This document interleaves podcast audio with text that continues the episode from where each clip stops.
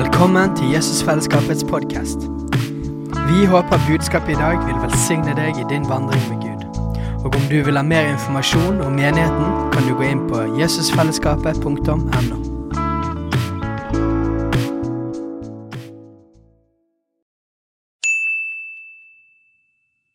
Hei!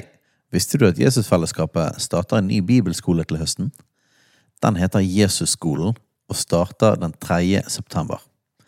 Gå inn på jesusskolen.no for mer informasjon.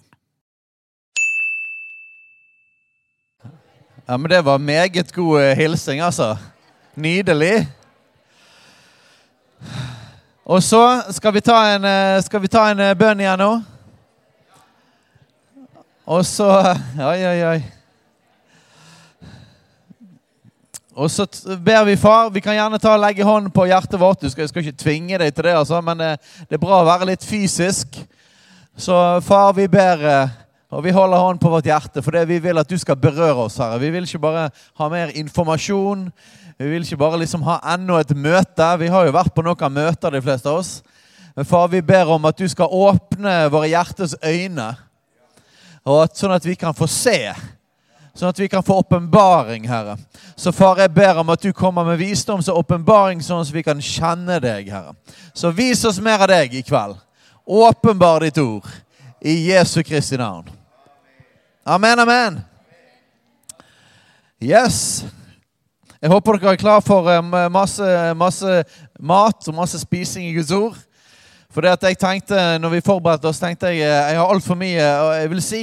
Og vi, eh, vi skal dele sammen òg. Og så tenkte jeg at det blir jo for mye. Og så kom jeg på ja, men dette er jo vår konferanse. Jeg kan jo snakke akkurat hvor lenge jeg vil. Så sånn er det. Halleluja. Så dette er kvelden vår, så da, da skal vi gi, gi, gi dere en del. Er dere klare for det? Jeg håper det. Så la meg først si, eh, før Katrine begynner å dele litt, at um, hva i all verden er poenget med denne konferansen? da? Tjenestegavene. Eh, jeg vet ikke om du har vært på en sånn konferanse. Og eh, vi er veldig opptatt av meg og Katrine er veldig opptatt av det, og, og i, i menigheten hos oss er vi veldig opptatt av dette som vi kaller Guds design. Guds ordninger. Sånn som Gud har skapt ting. Og, eh, og han har nemlig han har, han har et fantastisk himmelsk system. Eh, og, og, og, eh, det er ikke alltid at det systemet helt ligner på sånn som eh, ting ser ut i verden. Men det er jo sånn at alt liv har jo en eller annen slags kan du si, struktur. Da. Kroppen vår har jo det. Det er et blodsystem, og vi driver og puster, og det er lunger, og det er masse greier, og indre organer. Og kroppen er jo et av bildene? På, menigheten. Og, og et av de andre bildene er jo at vi er et tempel. Et, et hus, et hus for Gud. Og at vi da er levende steiner. Det er alltid vanskelig for meg å si akkurat det der, siden jeg heter Steinar. Levende steiner. Det blir alltid litt rart. Men vi sier altså levende stein i flertall. ok? Så som Gud bygger sammen til å være et tempel. eh, Til, til en bolig for Gud. Så, så, og da gjelder det at vi bygger sånn som han har tenkt. Sånn som den tegningen han har vist, og at kroppen henger sammen sånn som den har tenkt. Var tenkt. Er du med på det? Eh, Så dette med Guds ordninger har vi veldig tro på. og Derfor snakker vi masse om det med mann og kvinne, ekteskap og familien og eh, masse forskjellige sånne type ting. Men Gud har òg noen ting han har tenkt for menigheten. Hvordan det skal henge sammen. Og så har vi en tradisjon. I, i, alle land har jo en tradisjon. Og i, i, Vesten og i Norge så har vi òg en tradisjon for hvordan vi har gjort menighet, og hvordan det ser ut. Og sånn. Og så er det masse fantastisk og bra med det, og, og Gud har gjennom hele historien brukt sitt folk. Det er jo fantastisk. Men så er det visse strukturer og ting og måter vi har gjort ting på, som handler mer om tradisjon enn om hva Guds ord beskriver. Og, og hvis vi gjør ting som er litt på siden av, av sånn som Gud har tenkt og designet det, så får ikke vi leve i den velsignelsen og den flyten fra himmelen som var tanken. Men vi er veldig opptatt av det, at han skal få det sånn som han vil. For da får vi den frukten og da får vi det livet fra himmelen, sånn som, sånn som vi ønsker. Sant? Og eh, dette med tjenestegavene det handler om det. Det er derfor vi snakker om det. Det er ikke fordi vi er sånn eh, superinteressert bare i å snakke liksom Vi er sånn fiksert på den greiene. Nei, Det vi er veldig fiksert på, det er at evangeliets kraft til å forandre menneskers liv, og, og at Guds rike skal få komme og forandre landet vårt. Det er vi veldig opptatt av. Og derfor snakker vi om dette. Fordi at sånn at Gud har designet sin menighet til å fungere på en viss måte. Og, eh, og, Derfor trenger vi tjenestegavene. og Vi skal jo snakke mer om det i kveld og utfylle det mer, men jeg bare tar en litt sånn overskrift her nå for hele denne helgen. Så hvorfor denne konferansen? Jeg har opplevd, sjøl de siste årene at Gud har gitt meg også et oppdrag om å løfte opp dette med tjenestegavene. For dette er viktig for Guds menighet i landet vårt. Og hvorfor er det viktig, da? Nei, og hvorfor skal du lære om dette her? Hvorfor skal du sitte her og høre om apostler og profeter, evangelister, hyrder og lære? Hva har det å si? Hva, hva effekt har det på deg? Hvorfor snakker vi om det? Nei, Nummer én så trenger vi det fordi vi trenger å få åpenbaring for hele Jesus. Vi trenger å se hele Kristus, hele Jesus. Fordi at Jesus har manifesterer seg sjøl gjennom sin kropp, og han manifesterer, viser seg sjøl gjennom disse fem forskjellige tjenestegavene. Så hvis vi har lyst på hele Jesus, så trenger vi alle tjenestene. Hvis ikke så får vi biter, men ikke en bredde og en helhet. Og det er vi opptatt av, ikke vi det? Vi har lyst på hele Jesus. Så dette er en måte Jesus viser seg sjøl på. Nummer to så vi kan ta imot det han gir. For at han har gitt gaver og det er sånn at Hvis du ikke vet hva han gir, og du ikke vet at det er en gave, så er det òg vanskelig å ta imot det. Når vi ikke har åpenbaring, når vi ikke kan se det, så kan vi heller ikke ta imot det i tro. Som gjør det at Jesus kan ha, holde på med masse greier, og så får ikke vi det med oss. Og så kan det være at vi har tankebaner og tankebygninger og, og, og, og ting som gjør at vi ikke ser. For at vi f.eks. bare ser tradisjon, eller vi ser en struktur som, sånn som det alltid har vært. Og så misser vi ting som Gud vil gjøre. Vi misser ting som Gud holder på med. Så dette er for å få åpenbaring, så vi kan se, så vi kan ta imot. Og sånn at du kan finne din plass. Det er viktig. I kroppen. Fordi at kroppen den skal, Det skal vi snakke mer om i kveld òg. At kroppen skal fungere. Kroppen skal være sunn og skal være sterk, og at vi skal finne ut hva kroppsdel vi er. Og hvis du skal finne din plass, så trenger vi tjenestegavene inn som er med og hjelper å bygge og få dette her bildet på plass. Mer om det seinere. Eh, og sånn at vi kan leve bedre sammen i enhet. Det er en viktig ting. Sånn at ikke splittelse får komme inn, men at vi kan ta imot hele bredden av den Jesus er, og at vi kan verdesette alt det Jesus er, og alt det Jesus gir. Så at vi kan leve sammen i enhet. Så den er viktig. Og til slutt at nye tjenester blir forløst. For jeg tror at Når vi kommer til å undervise om disse tingene, så vil også ting som Gud har lagt ned, ting som Gud har kalt mennesker til, ting vil, vil begynne å blomstre og bli forløst. For det er sånn det funker. Eh, og, og, når Guds ord blir forkynt, så skaper det noe. Så det var en del sånne grunner til det med tjenestegavene. Eh, så Derfor er det bra for deg å være der. Det er ikke sikkert at Gud har kalt deg til å være en apostel eller en profet eller en evangelist eller en hyrde eller lærer, men, det, men, Gud har kalt deg til å være en del av kroppen. Sant? Og Derfor er det nyttig for deg å vite hvordan kroppen fungerer, sånn at hele kroppen kan komme i funksjon. For når kroppen, Guds menighet, er i funksjon, så blir vi det vi skal være for verden òg. Vi reflekterer Jesus Kristus. Og sånn at verden kan se Han. Og det vil vi, vil ikke det? Vi vil ikke at verden bare skal se en, en, en tå eller en, en, albue, men at man skal få se hele Jesus, hele kroppen. Og hvis hele kroppen skal komme i funksjon, så trenger vi disse gavene. Så det var litt sånn overskrift for helgen. Dette er grunnen til at vi gjør dette. Ok, Take it away, Katrine.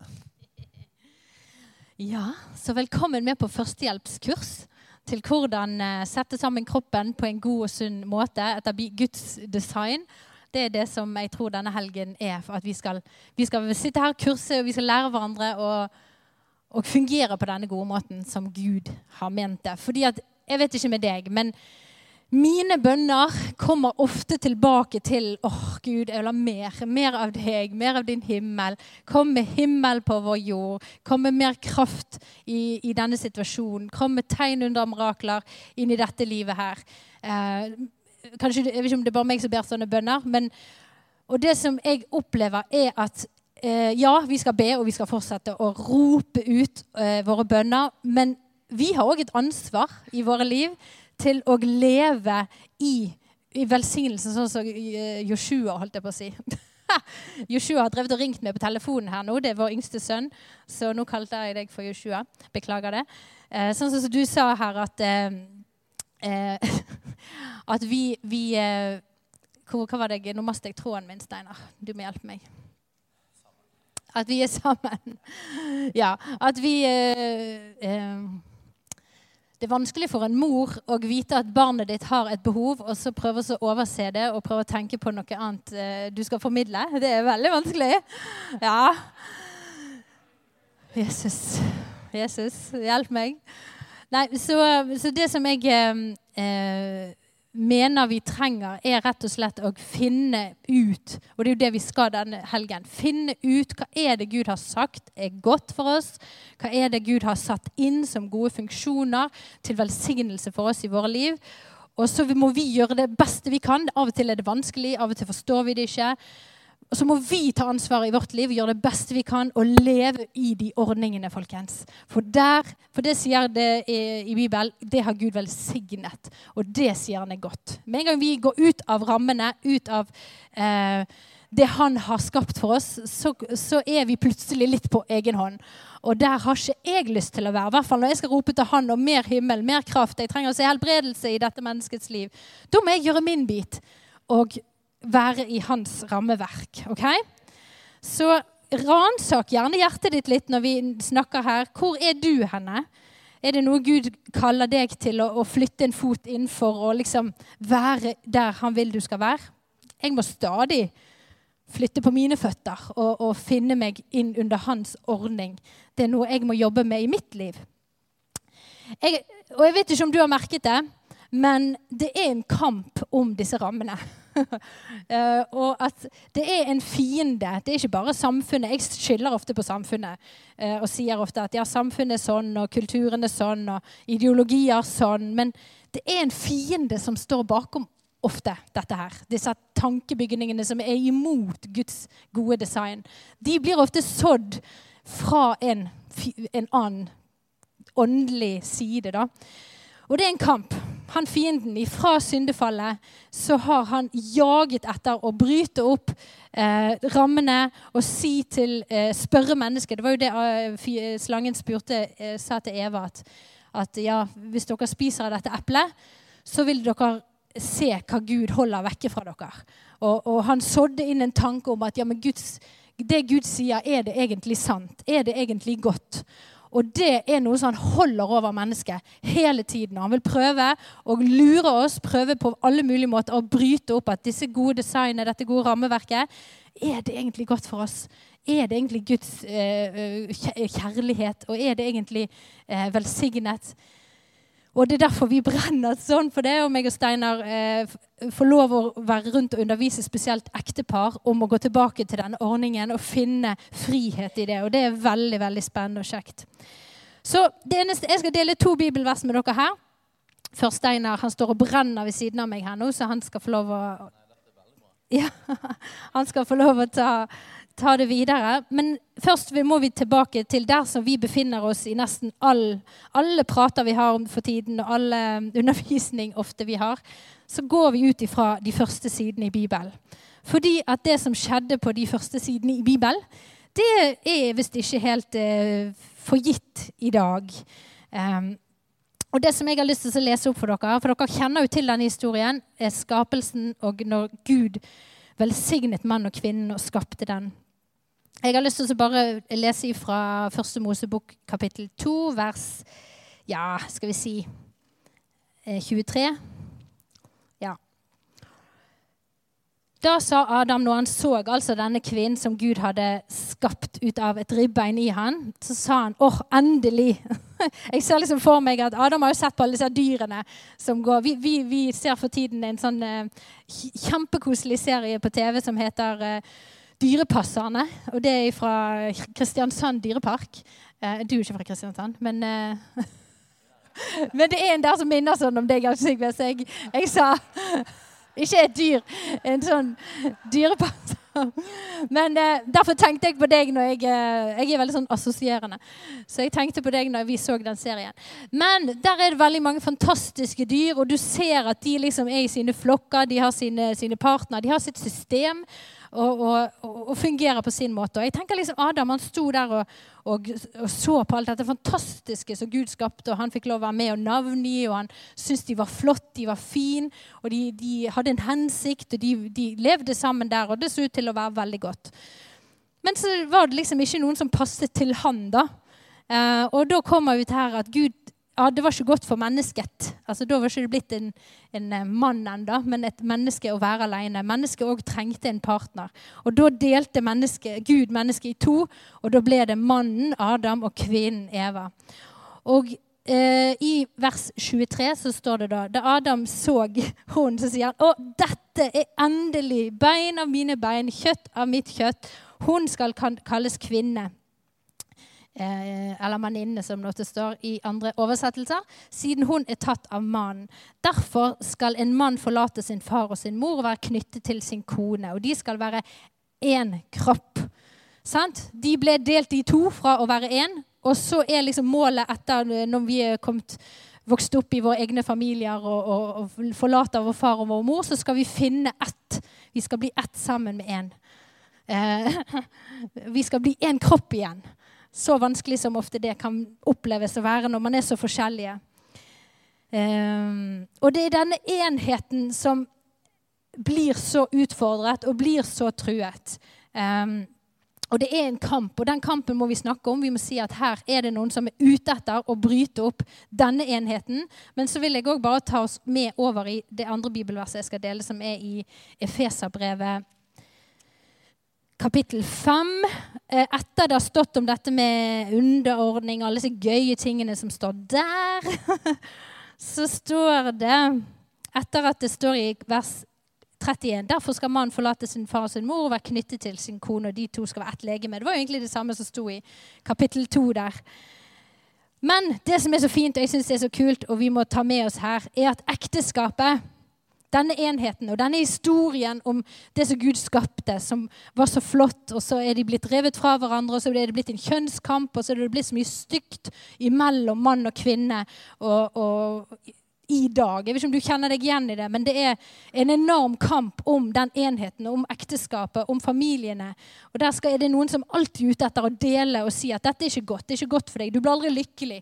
Det, det, du er lykkelig helt til du gifter deg, og da blir du ulykkelig. Altså, det er sånne historier som går der ute. som De er så sure og, og så, ja, mugne.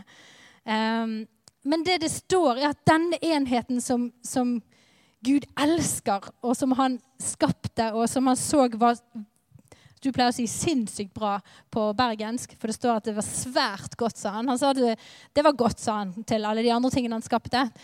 Dyrene, det var godt. Havet, det var godt. Han så at det var bra. Men når han så på mennesket, så ble han skikkelig stolt og sa det der, det var jeg skikkelig fornøyd med. Og det var sinnssykt bra, som vi sier på bergensk.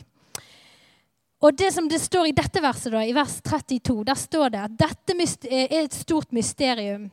Det som det handler om mann og kvinne. Den relasjonen, den enheten. Det som det sto i de versene før.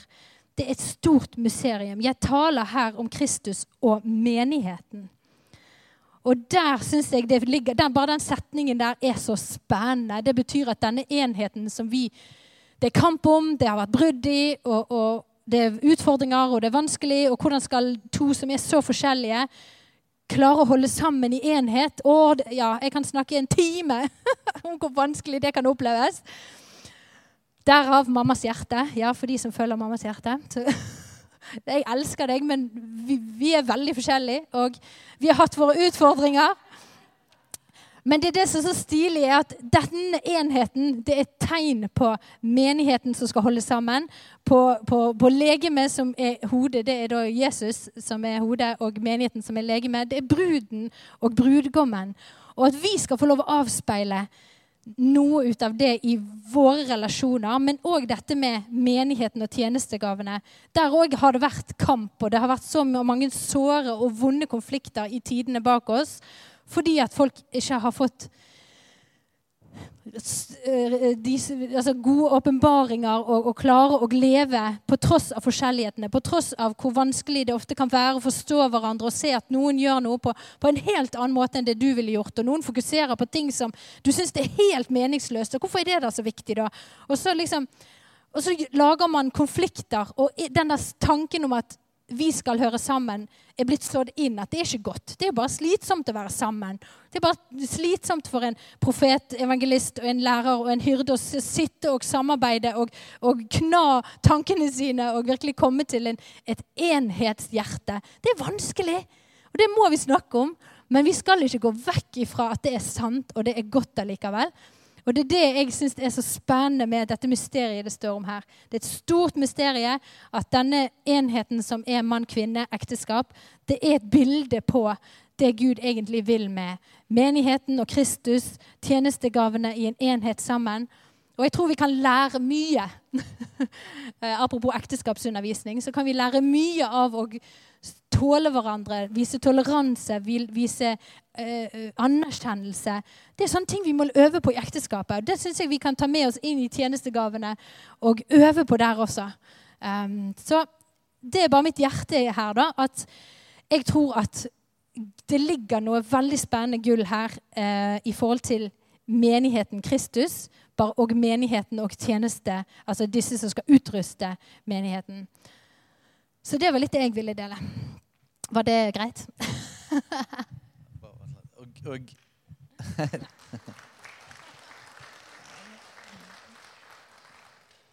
når, når, Adam og Eva syndet, så kom det en splittelse inn. Eh, og all splittelse som fins i verden, kom gjennom synd. Kom gjennom syndefallet. Men gjennom Jesu død og oppstandelse så ble den splittelsen helbredet. Og enhet er det motsatte av splittelse. Så enhetens ånd, det er Den hellige ånd. Splittelse og det å partier og gå sin egen vei, det er fra djevelen. Og, og, på samme måte som med mann og kvinne, på samme måte som generasjoner blir splittet, foreldre, barn På samme måte så prøver fienden å splitte menigheten. Han splitt, prøver å splitte kroppsdelene fra hverandre prøver å splitte forskjellige strømmer og, og deler av, av, Guds menighet fra hverandre. Og prøver å splitte de forskjellige tjenestene og de tjenestegavene fra hverandre. For hva skjer når, når eh, vi blir splittet og går på egen hånd? Nei, da blir vi svakere. Er ikke sånn det? Jeg, pleier, jeg, elsker jo bilder fra, fra, Apropos at vi liker å se på dyr og sånn. Så jeg liker jo eh, naturfilmer og, eh, og løver når de skal spise gnuer. da. Det er veldig spennende. Og Vi pleier, pleier, å bruke det bildet når vi snakker om menigheten og det med enhet i, i, i kroppen. Og det å høre til en familie, en forsamling. Men det, det handler om de samme tingene. Det at uh, Løvene, når de skal prøve å få tak i en gnu, da, så prøver de å få tak i en og splitte den vekk fra flokken. For det finnes en beskyttelse i flokken. Det finnes en beskyttelse i enhet. Og Jesus sa det jo sånn, Han ba om at vi alle skulle være ett sånn at vi skulle se, sånn at verden skulle få se. Altså Verden skulle få se Jesus. Så det vi prøver å, å, male opp her for dere, er det at når vi skal snakke om tjenestegraven, og vi skal bli mye mer spesifikke på det, så har vi lyst til å legge det grunnlaget for at dette her handler egentlig om noe mye dypere enn tjenestegavene. Det handler om den splittelsen som kom inn ved syndefallet, og som, som djevelen prøver å så inn i Guds menighet, og også mellom tjenestene. Og at når Jesus døde og sto opp igjen, så vant han over den splittelsen. Han betalte for den splittelsen. Og i han så prøver han å føre legemet sammen. Han prøver å føre oss sammen igjen. Sånn at når, når tjenestegaven har stått på egen hånd, så er det et fiendens verk, faktisk. Det er, det er noe som fienden har stått inn for å hindre Guds menighet. Og når Guds menighet taper terreng, så tror jeg at dette har veldig mye med saken å gjøre. At vi ikke står sammen. For Gud har allerede kalt. Han har allerede utrustet. Men hvis vi går på egen hånd, går på egen hånd og vi bare tenker meg og mitt, eh, og vi tenker meg sjøl og vi tenker egoisme, og vi går vår egen vei og ikke søker sammen med resten av kroppen, så blir vi svake. Vi blir lette bytter. Amen? Til slutt så vil jeg bare òg utfordre deg like mye som jeg blir utfordret. fordi at jeg er jo veldig opphengt i sånne her personlighetsuttrykk og preferanser. For da blir vi bedre kjent med hvorfor vi fungerer som vi er og gjør. og hvordan vi kan kommunisere bedre og forstå hverandre bedre. Og jeg er en veldig sånn følelsesperson, så, så jeg kan fort føle meg støtt. Eller eh, hvis noen er litt tydelig eller er litt, korrigerer meg på en litt dum måte, så, så kan, jeg, ja, kan, jeg, gå og bære det i noen dager. Jeg vet ikke om noen kjenner seg igjen i det. Men eh, det, det, kan være veldig eh, slitsomt for følelseslivet da, eh, i min personlighet, har jeg funnet ut. Og, og, og hver dag jobber jeg med å omfavne eh, den. og, eh, og og, jobbe den på best mulig måte i møte med mine nærmeste. Men det jeg ville si, som jeg har måttet jobbe så mye med, og jeg vil utfordre deg til å jobbe med, at det er ikke så farlig å kjenne seg eh, utfordret og eh, gjerne stå i, i eh, eh vi, stå i sånn spenning. Det er noe vi må lære oss i kristne sammenhenger og, og tåle å liksom eh, bompe litt borti hverandre. Ja, men jeg mener dette, og jeg syns at dette er viktig, og jeg syns at den personen eh, er viktig, og, og, nå må vi fokusere sånn og gjøre sånn. Ja, men jeg, eh, sant? Og da er det viktig med andre tanker og perspektiv og visjoner og drømmer. Og, og liksom at vi må tåle litt disse her litt ubehagelige settingene. Eh, og det er noe som jeg syns er så spennende når vi kommer med disse forskjellige gavene, at da får ikke, eh, hvis man ledes av hyrder, folkens Dette skal vi snakke om mer på Hyrdepodden i morgen, men jeg vil bare så ut en tanke. Så blir man ofte gjerne veldig emosjonell og følelsesstyrt også. fordi at de som ofte kommer inn i hyrdetjeneste, er ofte mennesker Ikke alltid, nå prøver jeg å ikke generalisere, men er ofte mennesker som har mye følelser pga. den empatien om mennesker og verdien for mennesker. alt det. Og eh, Dette er bare min påstand. da. Men det som jeg, man ser, at man skaper miljøer, man skaper eh, veldig hyggelige samlinger og forsamlinger. og, og man, man, tar vare på hverandre, og man ser og man skaper rom for hverandre. Men man får ikke denne muligheten til å faktisk brynes litt på liksom, ja, men hva er det Bibelen sier da? Og ja, men hva er det liksom noe, det profetiske som er voldsomt med inntrykkene man står i mellom himmel og jord, og alt den himmelske kampen man ofte kan få det kan bli voldsomt for en, en veldig pastoral type å ta imot. Og, og, sånne ting. Og de der tingene må vi lære oss å stå eh, og tåle å høre. da. At ikke vi blir ut, så utfordret og støtt av hverandres forskjelligheter. Eh, men at vi, vi, går litt i oss sjøl og så sier ja, men dette, jeg stoler på deg, Gud. Jeg stoler på at, at eh, din ordning er god, og jeg vil underordne meg dine gode ordninger. Og det blir til velsignelse i mitt liv, selv om akkurat dette føltes veldig ubehagelig. Og det skal være greit å si, men uh, ja. Så liksom når jeg får ordet og får mulighet til å Så jeg brenner for dette med å snakke om forskjelligheter, snakke om personligheter, snakke om utrustninger, og, og hvor viktig det er, men òg hvor vanskelig det kan være å stå i spenning og utfordring. Det er noe jeg brenner veldig for. Så, så det vil jeg bare så ut en liten utfordring at det skal ikke vi være så redd for. Um, det tror jeg er helt etter Guds Og Da blir vi så avhengige av Den hellige ånd, folkens. det har jeg kjent på. Jeg blir så avhengig av Den hellige ånd, som er min hjelper, som kan komme med fred og, og kjærlighet og glede i alle situasjoner. Uh, og det trenger Jeg tror Gud liker oss på sånne plasser hvor vi blir totalt avhengige av Han når vi våger å stå under hans rammer, hans gode design, og stå og knote med folk som er forskjellige og ser ting på andre måter enn oss. Uh, ja. Så ikke vær så redd for det. Det vil være mitt siste ord. Før jeg går og setter meg, så skal du få ta det videre. Er det greit? Så bra.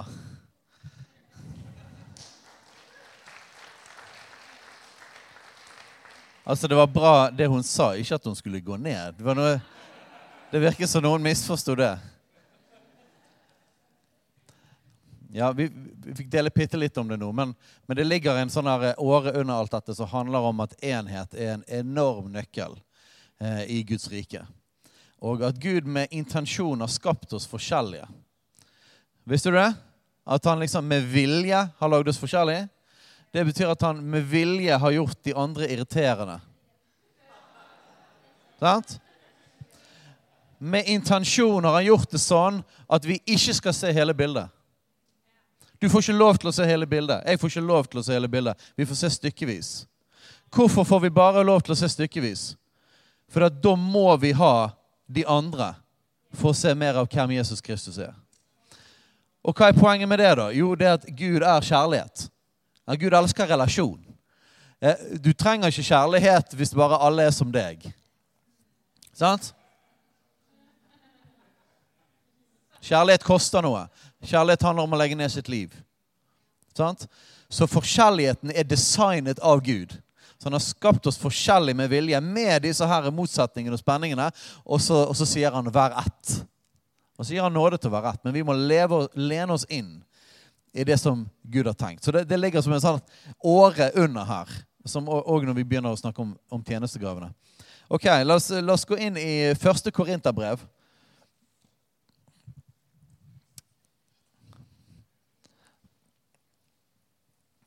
Og skal vi uh, måke litt, litt mer snø òg, før vi kommer uh, enda mer tydelig inn i tjenestegavene. Så første Korinterbrev, kapittel 2, vers 14. Dette er gøye saker. Men et sjelelig menneske tar ikke imot det som hører Guds ånd til, for det er en dårskap for ham, og han kan ikke kjenne det. Det kan bare bedømmes på åndelig vis. Så eh, det vi skal ta ut av dette verset, er Vi har ikke lyst til å være et sjelelig menneske, har vi det? Nei, vi har lyst til å være et, eh, et åndelig menneske som kan ta imot det som hører Guds ånd til. Uh, sjelelige mennesker sånn Kort fortalt Vi kommer litt mer til det, men kort fortalt kan vi si at sjelelige mennesker handler om meg, meg, meg. Det er det motsatte av kjærligheten. Det handler om meg sjøl. Vi er selvfokusert. Vers 15. Det åndelige derimot kan dømme om alle ting. Den åndelige derimot kan dømme om alle ting, men om man selv kan ingen dømme. For hvem kjente Herren sinn, så han kunne undervise han? Men vi har Kristi sinn. Så det er noe vi prøver å bygge inn her, og begynne å tenke sånn som Jesus. Og jeg, brødre, kunne ikke tale til dere som åndelige, men bare som kjødelige, som til småbarn i Kristus. Det var jo litt kjipt for korinterne, men det var sannheten. Han måtte snakke til dem som småbarn, som kjødelige selvsentrerte. Melk ga jeg dere å drikke, ikke fast føde, for dere tålte det ennå ikke. Heller ikke nå tåler dere, for dere er ennå kjødelige. Og Her begrunner han hvorfor de er kjødelige. Når det er misunnelse og strid blant dere, er dere ikke da kjødelige og vandrer på menneskelig vis? Uh! Nå begynner vi å komme inn på kjernen her. Så det betyr at kjødelighet, å leve kjedelig, sjelelig menneske, Eh, det manifesterer seg i misunnelse og strid. Misunnelse, det handler om meg. Strid, da er det, det er kamp mot de andre. Meg, meg, meg. Du er dum. Sant? Barnehage. Så hvis Guds menighet ligner på barnehage, så betyr det at vi er kjødelige mennesker og sjelelige. Det er ganske enkelt og greit. Det er kun det. Det er ikke, det er ikke Den hellige ånd, for Den hellige ånd kommer med enhet. Så, så når det er strid, og, og sånn, så er det fordi det er kjødelighet. Når det er misunnelse og strid blant det, er det ikke da kjødelig å vandre på menneskelig vis? Og så kommer han med litt eksempel her. De, kanskje de lurer på hva er det du mener, Paulus? Hva er det du snakker om her? Når en sier 'jeg holder meg til Paulus', og en annen 'jeg holder meg til Apollos', er dere ikke da kjødelige? Dette er min favorittjeneste. Dette, mitt, min, den, dette ministry, den hører jeg på, men ikke den. Det der liker ikke jeg. Det var støtende. Det var vanskelig. Jeg tror jeg, jeg, jeg tror jeg holder meg Jeg går på konferanser der jeg hører kun om de tingene som er lettest for meg. Fordi at det treffer mer eh, min utrustning. For jeg vil ikke ha hele Jesus. Jeg vil egentlig bare ha den lille biten som jeg har allerede fått erfare, og så vil jeg få bekreftet det igjen og igjen. Jeg vil ikke ha hele evangeliet. Jeg vil ha det som kommer enkelt for meg. Halleluja.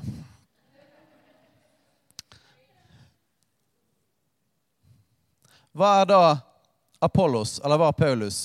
Tjenere som førte dere til troen etter det som Herren gav enhver. Etter det som Herren gav enhver. Så det betyr at Gud har gitt forskjellige ting. Han ga noe til Apollos, han ga noe til Paulus. Det var aldri meningen at det skulle være Paulus eller Apollos. Meningen var det at vi skulle få så mye som mulig av den han er. Dermed trenger vi både Paulus og Apollos. Er vi med? Jeg plantet, Apollos vannet, men Gud ga vekst. Det er han det handler om. Det handler om han. Det handler om Jesus, det handler om hans legeme, det handler om hans rike. Det handler ikke om meg, det handler ikke om min favorittpreferanse. Det handler om at han skal få ære. Det handler om at han skal få, få den menigheten som han har tenkt. Juhu! Derfor er det ikke noe, verken de som planter eller den som vanner, men bare Gud som gir vekst. Det handler om han. Den som planter og den som vanner, er ett. Ser dere det? Her sier han at, bruker Paulus Apollo som eksempel her. Og så, og så sier han at vi, vi er ett, vi. Så dere kan ikke drive og dele opp og bare si at jeg holder meg til bare den, eller jeg holder meg til bare den. Nei, vi er ett. Det er et tegn på umodenhet hvis du hører Riktignok Eller sånn eh, Må kvalifisere det litt. Grann. Det finnes jo forkynnelse som ikke er ut fra Guds ord. Det finnes jo ting som er rett og slett feil og falskt eller ubalansert. ok? Men i utgangspunktet så er det et tegn på umodenhet når vi ikke klarer å ta imot fra tjenester som utfordrer oss. Det er et uttrykk for umodenhet. At vi er barnslige. Men nettopp det at noen er blitt gitt en åpenbaring og et perspektiv fra en annen side av Gud, når den Jesus er, det trenger jeg. Og det at det, er, det, det strekker meg, og det, og det, kan til og med være ubehagelig, det kan være et tegn på at dette er noe jeg virkelig trenger. Derfor er jeg sånn at når jeg kommer til miljøer det skal ikke si at alle skal ikke gjøre som meg, det, men ok, det er bare et eksempel på dette. da. Hvis jeg kommer til miljøer som er veldig opptatt av uh, sannheten, og Guds ord er sant, og det er viktig med omvendelse og etterfølgelse av Jesus, og er veldig sånn tydelig på alle de litt sånn ubehagelige, strenge tingene i Guds ord, som jeg tror som jeg òg forkynner og syns er kjempeviktig, da pleier jeg å forkynne om Guds nåde og Guds farskjærlighet. For det er det de trenger. De trenger ikke bare å bli strøket med hårene av det som de allerede har fått åpenbaring på. den siden av evangeliet de allerede har fått åpenbaring på. Hvis det kommer i sammenhenger som er veldig opptatt av Guds enorme godhet og nåde eh, og kjærlighet, og at Gud elsker oss uansett, som er også fantastisk og utrolig viktig, og en veldig viktig del av evangeliet, så pleier jeg å forkynne om omvendelse og etterfølgelse og Guds dom. Dette er bare et eksempel. Det betyr ikke at du må gjøre det akkurat sånn. Poenget er det at vi trenger hele Kristus. Vi trenger hele evangeliet. Vi kan ikke bare ta et eller annet ministry eller én åpenbaring, og så er det, det det jeg løper med, og det er hele greien. Da blir vi umodne, og vi blir ikke satt sammen til det fullkomne mennesket, det som Gud har tenkt. Og da får ikke vi den kraften som var ment. Derfor er det ikke noe verken den som planter eller den som vanner, men bare Gud gir vekst. Den som planter og den som vanner, er ett. Men enhver skal få sin lønn etter sitt eget arbeid. For vi er Guds medarbeidere. Dere er Guds åkerland, Guds bygning. Etter den Guds nåde som er gitt meg, har jeg lagt grunnvoll som en vis byggmester, og en annen bygger videre på den. Så, så hans, Paulus sitt kall som en apostel var å være en byggmester, som en vis byggmester som la en grunnvoll. sant? Så det var, det var apostlenes jobb var å legge den grunnvollen. Men så var det noen andre, f.eks. Apollos, da, som han nevner han, som kom inn og bygget videre på den grunnvollen. Og det var viktig. For at grunnvoll er jo kjempeviktig. Hvis du ikke har grunnvoll, så blir det et dårlig hus. Er vi med på det? Ja, Men det er jo litt kjipt å kun ha grunnvoll òg. Det kan bli litt kaldt. Hvis du ikke har vegger og tak eller noen ting. Er du med? Så du kan ikke si at den, vi trenger bare den eller ikke den. Nei, du trenger hele pakken. Etter den nåde som er gitt meg, har jeg lagt grunnvoll som en vis byggmester, og en annen bygger videre på den. Men enhver ser til hvordan han bygger videre. For ingen kan legge en annen grunnvoll enn den som er lagt. Det er Jesus Kristus. Og det er jo hovedpoenget her, at han er jo grunnvollen. Han er poenget. Og, og når vi får touche innom det med tjenestegaven, så tror jeg det at tjenestegaven er gitt til Kristi kropp for å åpenbare Jesus. At vi skal se en større bredde. Ok, La oss hoppe over til Efeserbrevet. Efeserne 2. Vers 19.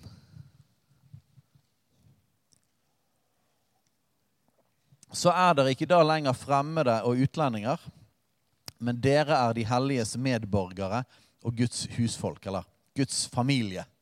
Er ikke det herlig? Vi er Guds familie. Vi er ikke Guds eh, bedrift. Vi er Guds familie. Bygd opp på apostlenes og profetenes grunnvoll. Her har du snakket om grunnvoll igjen. Grunnvollen er jo da Jesus Kristus, det sa Paulus der i Korinterbrevet. Og så sa han òg at han la grunnvoll som en viss byggmester. Så, så, som en apostel så hadde det med den grunnvollsarbeidet å gjøre.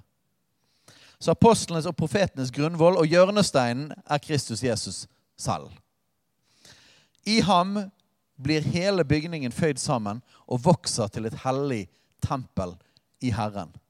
I ham blir også dere, sammen med de andre, bygd opp til en Guds bolig i ånden.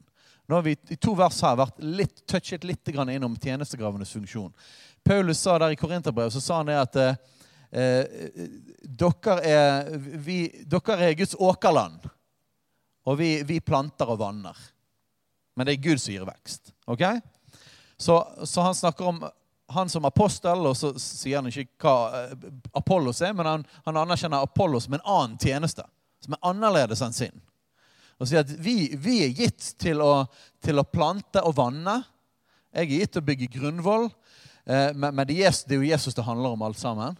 Men det betyr at tjenestegavefunksjonen handler om å, handler om å plante og vanne.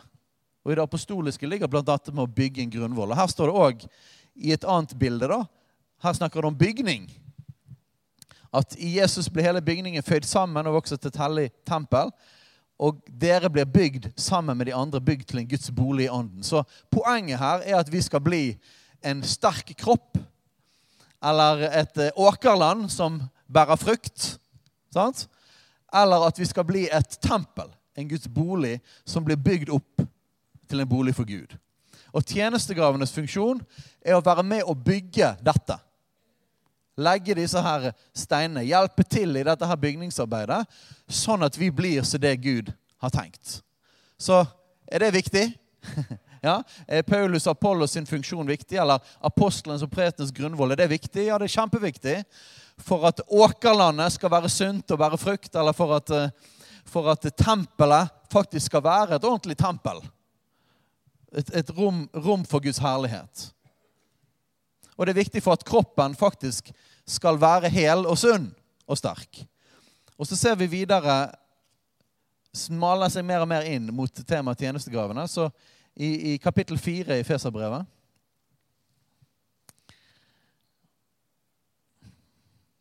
Ja, vi bare begynner i vers 1, vi. Vi har jo god tid. Jeg formaner dere altså, jeg som er en fange for Herrens skyld, at dere vandrer slik er verdig for det kall dere er kalt med, med all ydmykhet og mildhet, med langmodighet, så dere bærer over med hverandre i kjærlighet og legger vind på å bevare åndens enhet i fredens sambånd. Er ikke det bra? Så her er vi inne på det samme greiene igjen. ikke vi det?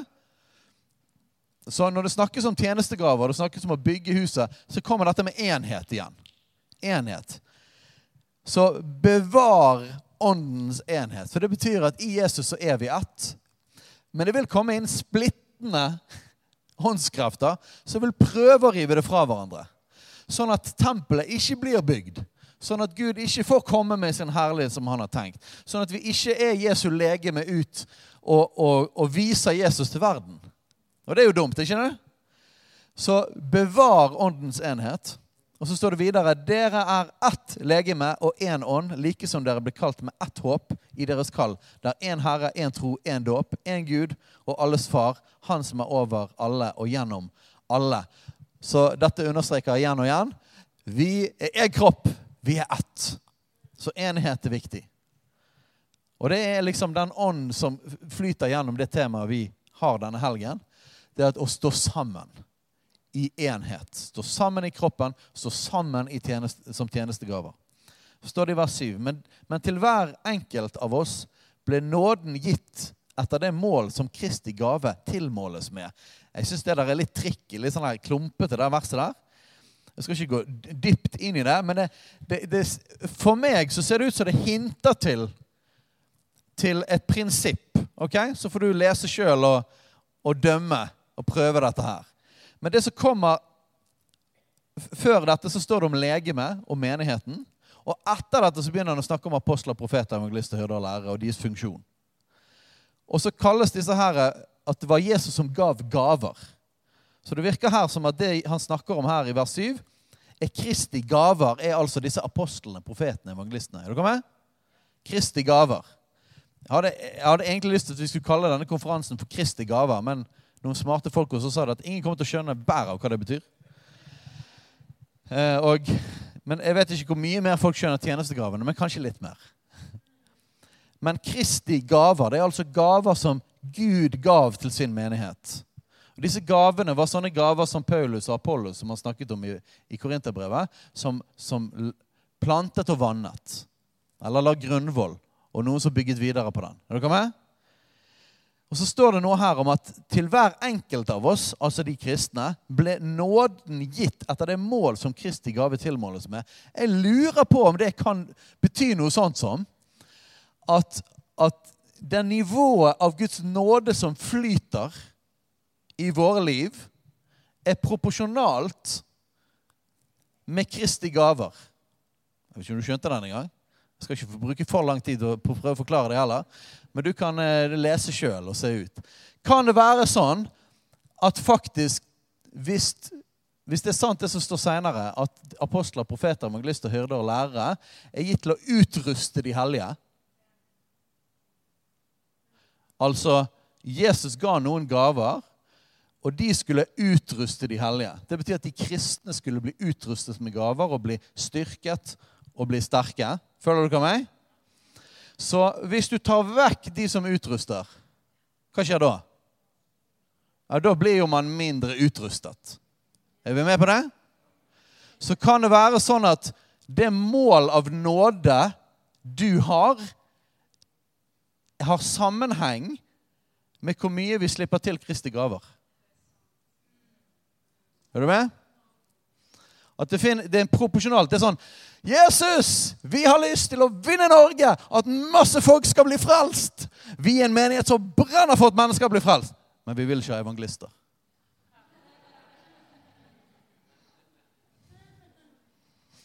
Jeg tror ikke det går. Selvfølgelig, Vi er alle kalt til å vitne. Vi har alle, alle sammen vi vitner for Jesus, har Jesus på innsiden. Men jeg tror at hvis du kutter ut, hvis du sier nei, den Kristi gave som er gitt til å utruste de hellige, den vil ikke jeg ha. For de er ubehagelige. Men jeg vil vinne de ufrelste. Jeg bare vil ikke ha evangelistene. Så er det sånn at det mål av nåde til å nå ut med evangeliet du har, er proporsjonalt med hvor mye du slipper til evangelister. Sånn tror jeg det. Du får tolke det sjøl og lese. Men det er ikke helt på trynet, det jeg sier her. Vi vil høre fra deg, Gud. Vi vil ha det profetiske, men jeg vil ikke ha profeter.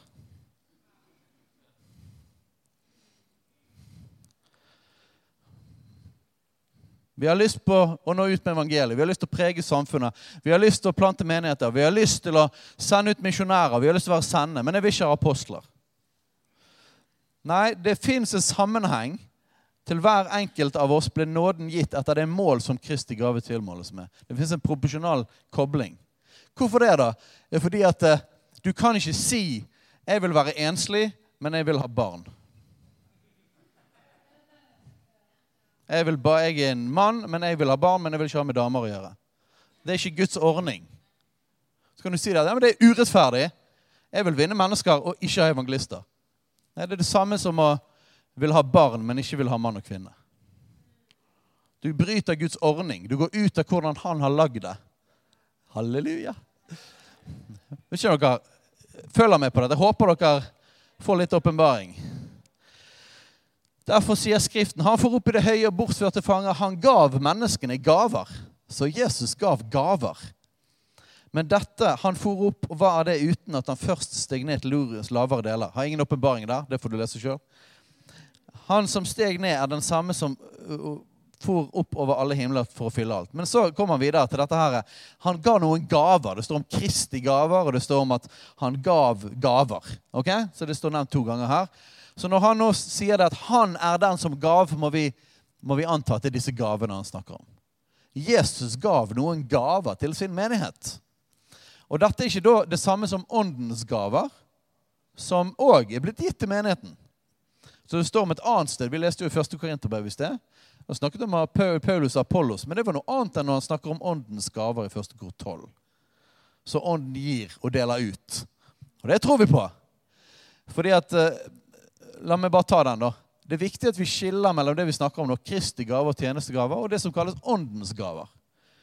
Hvorfor er det viktig å vite forskjellen på det? Jo, fordi at eh, apostler er blitt gitt til menigheten til å utruste menigheten. Så det får en direkte effekt på alle de andre om apostler kommer i funksjon.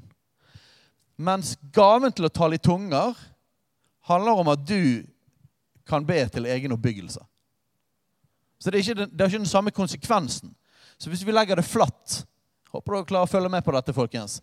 For her er dette, dette lite undervisning om. Hvis vi tenker sånn her Noen er apostler, noen taler i tunger. Noen får et profetisk ord. Så forstår vi ikke funksjonen av tjenestegavene. Men saken er at det, det er meningen at vi alle skal få tale i tunger.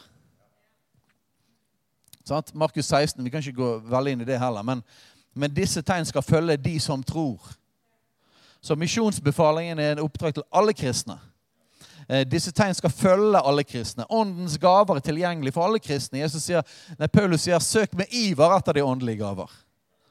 Så, så, da er det meningen at vi skal få så mye som mulig av dem. Men det vi snakker om her, er noe annet enn åndens gaver. Dette er Kristi gaver til sin menighet. Så det er ikke bare en gave du fungerer i, men dette er personer. Gud gir en person som han kaller fra unnfangelsen av, tror jeg, eller før unnfangelsen. Det er kalt fra start. Og, og valgte ut å si at du, hele livet ditt, så skal du, du Jeg har plukket deg ut for dette. Du skal være en gave til min menighet for å utruste og en del andre ting som kommer senere her. Eh, jeg tror ikke det det er noe vi kan velge eller at vi kan be om. Jeg tror Det eneste vi kan gjøre der, er å være Hvis, hvis det er ditt kall, det Gud har kalt deg til, så kan du være lydig. Det kan du være. Og så, så kan du være ulydig. Det betyr ikke vekk kallet, men det kan være at du ikke fungerer i det. da. At du ikke er inne i det som Gud har kalt deg til. Men det er på en måte ikke noe, det er ikke noe vi kan velge. Så noen er kalt til det. Og bare for å ta, ta denne her òg, med en gang. Dette her handler virkelig ikke om at her er målet at dette er en slags sånn stige der vi skal prøve å bli prøve liksom å komme høyest opp i rangstigen eller annet, og prøve å bli en hyrde, eller så kan jeg jobbe meg litt videre og bli en lærer, og så kan jeg etter hvert bli evangelist. Og så på toppen, hvis jeg jobber hardt, så kan jeg bli apostel. Ikke sånn det funker. Det er Noen er kalt til disse tingene, og man kan ikke for det. Man kan gjøre verken for eller til. Men hensikten er jo ikke at alle skal være apostler, profeter, hyrder, evangelister, hyrder og lærere. Det hadde vært helt forferdelig. Fordi at hvis alle Det eneste vi skal gjøre, er å bare utruste hverandre, så er det jo ingen der ute i samfunnet. Hele hensikten med, med tjenestegavene er at vi skal bli bygget opp sånn at vi ligner mer på Jesus. Og når vi er spredd rundt omkring mandag, tirsdag, onsdag, torsdag, fredag, lørdag i alle mulige slags på, på, Som politidame og som, som eh, barnehageassistent og som osv. Er dere med? Når vi er der ute, så skal vi skinne av Jesus. Og hvis alle skal være predikanter og stå og undervise her, sånn som meg, da gjør ikke vi stor effekt på verden. Så tjenestegavenes funksjon er det at er det at ved den nåde som man er gitt For ingen kan gjøre mer enn det bare den nåde man har fått fra Gud. Sant? Det gjelder hele Kristi kropp. Du kan kun gjøre det du er kalt til, og det, han, det han gir nåde til. Men hvis alle skal stå og forkynne, og det skal være målet, da bommer vi. Men målet er at Jesus skal bli stor, og at verden skal få se Jesus. Tjenestegaven er viktig fordi at menigheten er viktig. Fordi at du er viktig. Og menigheten er viktig fordi at verden er viktig. For så høyt har Gud elsket verden. Det er jo det han vil. At hele verden skal få se Jesus. Og da trenger han hele menigheten sterk, blomstrende, utrustet, salvet. Det er, helt, det er, så mye gaver, og det er så mye salvelse, og det er så mye tilgjengelig for enhver kristen. Overalt der han har kalt oss kristne til å være vitner og til å være, være stemmer for han i, i samfunnet og gjøre en god jobb som lærer.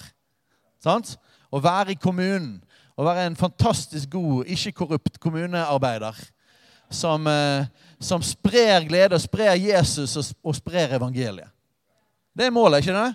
Så verden er viktig. Derfor er menigheten viktig. Og fordi menigheten er viktig, så er tjenestegaven viktig. Fordi at han er den som ga noen til apostler, noen til profeter, noen til evangelister, noen til hyrder og lærere, for at de hellige kunne bli gjort i stand til tjenestegjerning. Er dere med? Så de hellige er viktige her. Her er ikke liksom målet å, å være Paulus eller Apollos.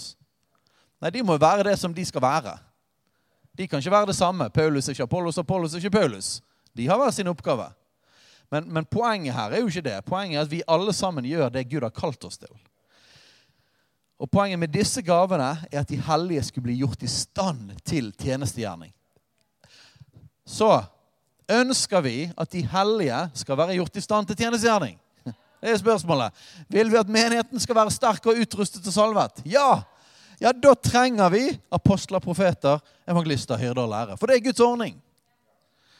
Og hvis vi kutter noen ut av dem, så vil vi miste den flyten. Vi vil miste den nåden og den kraften og den salvelsen. Og det har ikke jeg lyst til. Jeg har lyst til å ha alt sammen. Jeg vil ha alt sammen. Jeg influeres av hele evangeliet, hele Kristi kropp, hele bredden. Woo!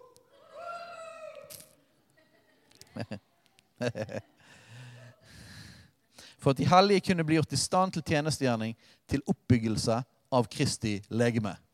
Så kroppsbygging, rett og slett. Sant? Så eh, disse her er da litt sånne personlige trenere. Som er flinke til å hjelpe med forskjellige deler av kroppsbyggingen. Sant? Og det er klart at Hvis du kun trener beina, så vil du se rar ut etter hvert. Sant? Så vi trenger alle disse her eh, som skal være med og hjelpe å bygge kroppen, sånn at kroppen, hele kroppen kan være sunn. Inntil vi alle når fram til enhet i tro på Guds sønn og i kjennskap til Han, til manns modenhet, til aldersmålet for Kristi fylde. Så hvor lenge, dette, hvor lenge skulle disse her gavene holde på å være i funksjon? Helt til vi alle når fram til enhet i tro. Jeg vet ikke om vi er der helt ennå. Så det betyr at det fortsatt er jobb å gjøre. Det står ingenting noen steder i Nytestamentet om at disse gavene forsvant. Ingen plasser står det om det. Så det er en teori man har tatt ut helt fra luften. Noen sier det at ja, når, i begynnelsen var det viktig, og sånn og sånn, og så når Bibelen ble skrevet, så trengte vi ikke det lenger. Og da fikk vi strukturert menigheten sånn. Det står ingen plasser om det i Bibelen. Ikke ett eneste ord står om det. Så det er en teologi som blir funnet på. Og så er det noen som tenker det at ja, ok, ja, kanskje ikke helt sånn, men hyrder, det er jo bra. Og lærer er jo bra, og vi aksepterer at evangelister fins. Greit at de holder seg i Afrika eller kommer innom en gang iblant, men vi tror at de fins. Ja da, vi, vi, tror at Billy Graham var en evangelist. De fleste tror jo det, ikke de? Sant? Ok. Så på en måte man aksepterer at det fins, men av en eller annen grunn så tenker man at profeter og apostler det fins ikke fortsatt. For det, det, ble ferdig når Bibelen ble Det står ingenting om det i Bibelen. Absolutt ingenting. Så det er sånn at Hvis vi tror det fins hyrder, og vi tror det fins lærere og vi tror det fins evangelister, så fins det òg apostler og profeter. Det fins ikke noe bibelsk argument for at ikke de fins fortsatt i dag, hvis de andre fins. Da må du slutte å kalle Billy Graham en evangelist, i alle fall. Sant? Og si det, bare lukke øynene og si det at nei, han var Jeg vet ikke hva han var for noe. Han var, han var en slags pastor. Bare det at han ledet ingen menighet, og han bare forkynte evangeliet om at folk ble frelst. Det blir jo veldig rart, for vi ser jo at disse tingene fins. Men hvis de fins, så fins det òg profeter og apostler i dag. Og vi skal jo gå mer grundig gjennom dette for hver dag, de forskjellige tjenestene, eh, og hva det betyr. Men i Det nye testamentet så står det om for at vi tenker profeter, så tenker vi ofte Gamle testamentet. Vi tenker e- e- Elia og Jesaja og Esekiel og disse. Og det er sant, de var profeter. Men det var jo profeter i den nye pakt. Og det står om de. Det står om profeten Agabus, f.eks. Eh, han profeterte med en hungersnød, og han kom med en hel gjeng med profetdisipler. Så det fantes. Og, og Seinere møtte han Paulus og tok beltet hans og bandt seg. Husker du den historien? Det, det er profeten Agabus. Så står det at, eh, at i, i, menigheten i Antiokia så var det profeter og lærere. Og så står det navn på disse folkene. Og så står det om at eh, Silas og Judas de kom opp til Antiokia. Så står det at eh, de talte til folket, og at de var profeter. Så det fantes profeter i Det nye testamentet. Og de fins fortsatt. Og jeg personlig tror at profeter er det de som er minst tatt imot i Norge. Det er så viktig at vi gir plass til profettjenesten. Og Derfor er vi utrolig glad for både sånne som vi har hos oss, som Peter, og utrolig glad for uh, at du kommer til oss. Og at du tjenestegjør hos oss. For det at det har vært gjort en synd mot profetene i Guds folk i Norge. De har blitt eh, kastet stein på og jaget det inn i huler. Sant? Og eh, ikke blitt sluppet til og ikke blitt anerkjent. Og hva skjer da? Nei, da mister du den nåde som profetene skulle komme og gi til Kristi kropp. Vi blir blinde og døve, blir vi. Det er ikke noe særlig å ha en blind og døv menighet. Halleluja. Og det fins til og med apostler. De fins fortsatt i dag og trengs fortsatt i dag. Så hvis det er sånn at vi vil ha komme fram Hvor lenge skal disse holde på? Det var der vi var. Inntil vi alle når fram til enhet i tro. Jeg har mistanke om at det skjer når Jesus kommer tilbake. Så at det basically betyr dette er en pågående prosess helt til bruden er klar til å møte sin brudgom. Sant? Det er kjennskap til Han så det handler om at skal, vi skal få kjenne Jesus. Hva er disse gavene gitt til? At vi skal bli bedre kjent med Jesus. Og man viser forskjellige sider av Jesus. Som betyr at jo flere av disse gavene vi anerkjenner og tar imot, jo mer av Jesus blir vi kjent med. Er ikke det fantastisk? For Jesus har fantastisk mange sider. Og så står det om at vi skal komme til manns modenhet. I Korinterbrevet snakket Paulus om dette før han kom til splittelse mellom Paulus eh, og Apollos. og hele den greien her. Jeg holder meg til Kefas og Apollos. Og, og, og, at det var barnslig. sant? At det var kjødelig. Men her så snakker han om at disse gavene de kommer, og så hjelper de oss til modenhet. At vi ikke er barnslige, og at vi ikke tenker bare meg, meg, meg. Men at vi har fått møte Jesus, fått bli så transformert av evangeliet at vi har fått erfare hans kjærlighet så dypt at ikke vi bare er mottakere av hans kjærlighet, som er alltid det der det begynner, evangeliet begynner. Men at evangeliet transformerer oss sånn at vi blir evangeliet. Sånn at Guds kjærlighet flyter ut av oss. At det ikke er meg, meg, meg, men det er han, og det er andre. Og så er det jo Jesus sier sånn at den som gir, den får. Og så blir vi aldri ferdig med å ta imot av Jesus. Vi, vi trenger alltid det. gjør vi det? Men at vi blir modne, betyr at vi ikke bare tenker på oss sjøl. Vi er ikke kun mottakere. Men jeg blir en som gir Guds kjærlighet. Der trenger vi å komme. ikke det? Og disse gavene, de er gitt til det. Vi er snart ferdige, folkens. Aller små du får Kristi fylde. At vi ikke lenger skal være umyndige.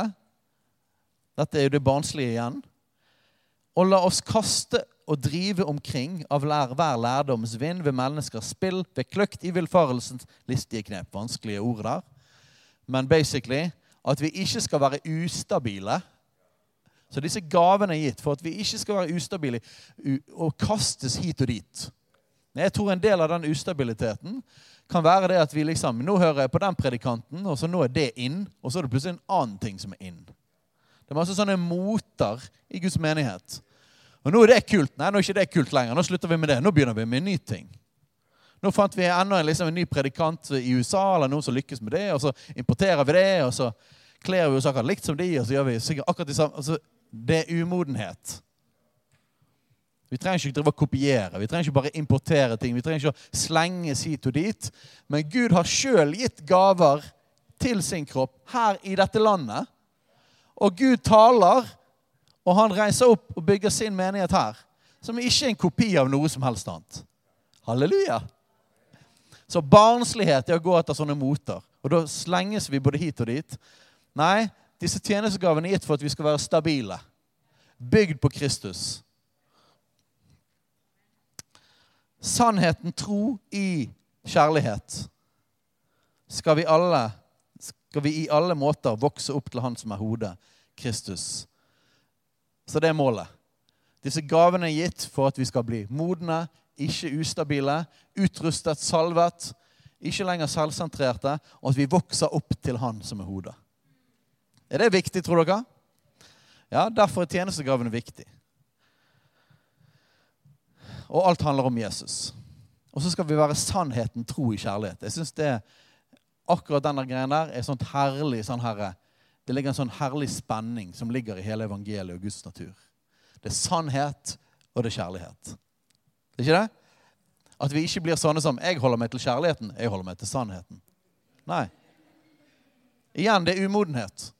Det er barnslighet. Nei, sannheten tror i kjærlighet.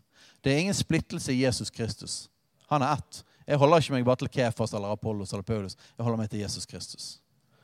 Tjenestegraven er gitt for å vise Han, at vi vokser opp til Han som er hodet. Ved ham blir hele legemet sammenføyd ser vi enhet-greiene ligger der hele tiden. Så dere det? Hele tiden. Kroppen sammenføyd. Enhet. Og holdt sammen med hvert støttende bånd. Alt etter den, den virksomhet som er tilmålt hver enkelt del. Slik vokser det sin vekst som legeme til sin oppbyggelse i kjærlighet. Så det er enhet, og det er legeme som blir bygget opp, og at vi lærer å kjenne Han. Og at vi blir kjærlighet. Det er målet, ikke det? Halleluja. Så vi trenger apostler i Norge i dag. Vi helt bevisst ville vi ikke invitere noen fra Amerika eller England. Fordi at um, det er mye lettere å ta imot fra amerikanere. Men de stikker jo igjen. Men Jesus har sjøl gitt gaver til sin kropp i Norge. Og, eh, men det er vanskeligere for en profet å bli tatt imot i sin egen hjemby og i sitt eget hjemland. Og det vil vi bryte. Må si det at nei, Gud har gitt gaver. Sant? Verken jeg eller noen som oss har sånne superkjendiser. Men det er ikke poenget. Alle disse folkene som vi har invitert, det er folk som har tjent Jesus, lagt ned sitt liv og over lang, lang tid blitt prøvd og gjort det Gud har kalt dem til, og vi ser frukten av deres liv. Og det fins mange mange andre. Men vi vil ikke bare invitere noen navn heller. Vi vil invitere noen som vi har bygget en relasjon med. Som vi kjenner. Så denne konferansen handler ikke om supertalere eller et eller annet. Eh, bare prøve å få masse folk her. og sånt. Det handler om å profetere noe ut til Norge. Profetere noe om Guds ordninger. Profetere noe om at dette er viktig. Dette er viktig for Guds kropp, for Jesu legeme i Norge. Det er viktig for innhøstning. Det er viktig for gjennombrudd for evangeliet. Og vi trenger å begynne å løfte det opp. Nei, Vi trenger ikke å bli sånn som noen kulturer, at vi begynner å flashe masse titler. og sånne ting som det. Det var ikke sånn Jesus holdt på. var Det det? Det var ikke sånn Paulus holdt på. Men vi må anerkjenne de gaver Gud har gitt. Den som tar imot en profet, får en profets lønn. Jeg tror det gjelder med mer enn profeter. Jeg tror det gjelder alle tjenestegavene. Jeg tror at Hvis du tar imot Kristi gave, så vil det ha effekt, effekt, i livet ditt. Til det Gud har kalt deg til.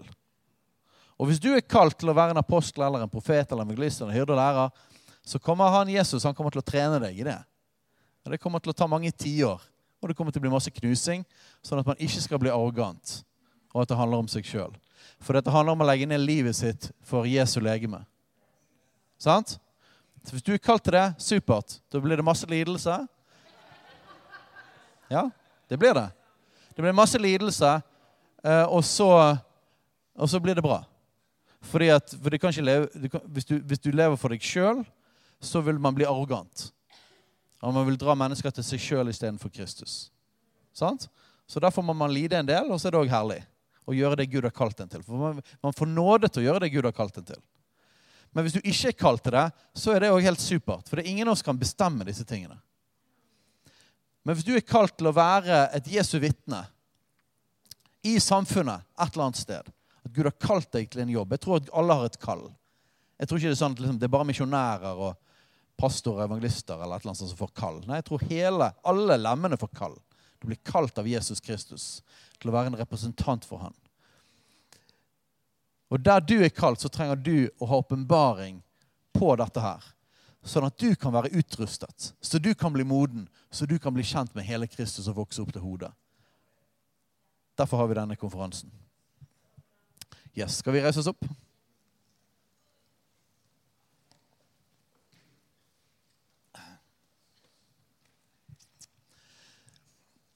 Så jeg erklærer Jesu Kristi navn i dette landet. Jeg erklærer at Guds menighet skal reise seg. Jeg erklærer det at, eh, at gamle vinsekker og strukturer som kanskje har funket i en periode, men ikke har vært etter Guds design.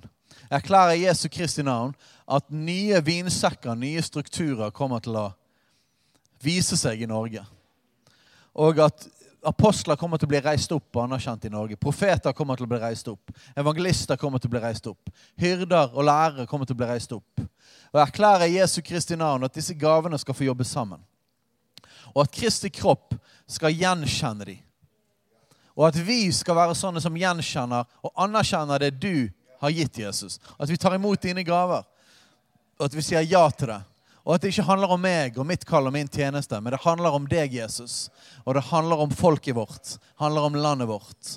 Og far, jeg ber om at du skal salve oss alle sammen. Jeg ber at vi skal være, uansett hva sammenheng vi kommer fra, om det er denne menigheten eller andre menigheter, far, vi ber at vi skal være, få være sterke ved din nåde ved din kraft, ved din salvelse. Og Jeg ber om et gjennombrudd, jeg ber om en ny tid, der disse forskjellige gavene kommer til å bli anerkjent og gjenkjent og tatt imot. Og Jeg erklærer Jesu Kristi navn en ny tid der det ikke er strid og krig mellom de forskjellige gavene. Der ikke Apollos og Paulus kriger mot hverandre, men anerkjenner hverandre og ser det at vi har forskjellige oppgaver. Og vi begge trengs. Far, jeg ber om det. Og jeg ber for alle de tingene som jeg har talt ut nå. Om det er ting som vi ikke forstår helt, om det er ting som er nye, så ber jeg om åpenbaringsånd, Herre. Jeg ber at du skal fornye vårt sinn, Jesus. At vi skal ha Kristi sinnelag. Og at du, Hellige Ånd, skal male dette bildet for oss. Sånn at vi kan være med på det du gjør. Og sånn at vi kan bli gjort i stand. Sånn at vi kan gjøre det du har kalt oss til. Jesu navn. Ja, gi oss nåde til å ta imot, Herre. Gi oss nåde til å bli strukket og se noe mer enn det vi bare ser som er naturlig for oss. Jeg ber om at vi alle sammen skal få, få større perspektiv disse dagene. At vi skal få se nye ting, viktige ting. Og hjelp hjertet vårt og følelsene våre og sjelen vår, Herre, når det, når det, er nye ting som vi kjenner strider imot det som gjerne ligger av oss naturlig. Hjelp oss til å stå i de spenningene. Hjelp oss til å ta imot, Herre, der det er vanskelig. Gi oss nåde, far. Jeg ber om du, Hellige Ånd, du som er vår hjelper, du, du, du blir stor i oss disse dagene. Vi virkelig får smake på hva det vil si å være fylt av Ånden. Og ikke bare, det, det, handler ikke bare om å riste og falle på et møte, men det handler om å faktisk gå i kjærlighet i møte med mennesker som er helt annerledes enn deg. Og stå skulder ved skulder ved folk som opererer på helt andre måter enn det du gjør på. Og så kan vi være fylt av Ånden i, i, i møte med hverandre og i samarbeid i denne enheten, Herre. Så smi oss sammen. Dunk på oss og smi oss. Det kan være litt vondt og litt ubehagelig, men hjelp følelsene våre. Hellige Ånd. Gi oss fred, Herre. Fyll oss med glede og kjærlighet og tålmodighet med hverandre, far. Og selvkontroll. Åh, Det er gode ord. Takk, Hellige Ånd, for at du er i oss. Takk for at du bor i oss og blir stor i oss disse dagene, Hellige Ånd. Vi tar imot det som du har for oss. Yes. Far, vi ber at du tømmer ut den oljen fra himmelen over oss. Og jeg ber for alle som er her, som er kommet her og er sultne, som ønsker mer åpenbaring, som ønsker å tjene deg. Ønsker å kjenne deg dypere, Herre. Far, jeg ber at den salvelsen skal flyte over hver enkelt. At vi ikke bare snakker om dette her, men at Kristi kropp skal bli bygd opp, Herre, gjennom disse dagene. At de som er her, jeg ber, ber at du tømmer ut din salveolje, Herre, over alle sammen som er her. Jeg ber at du utruster, Herre. Jeg ber at du kaller.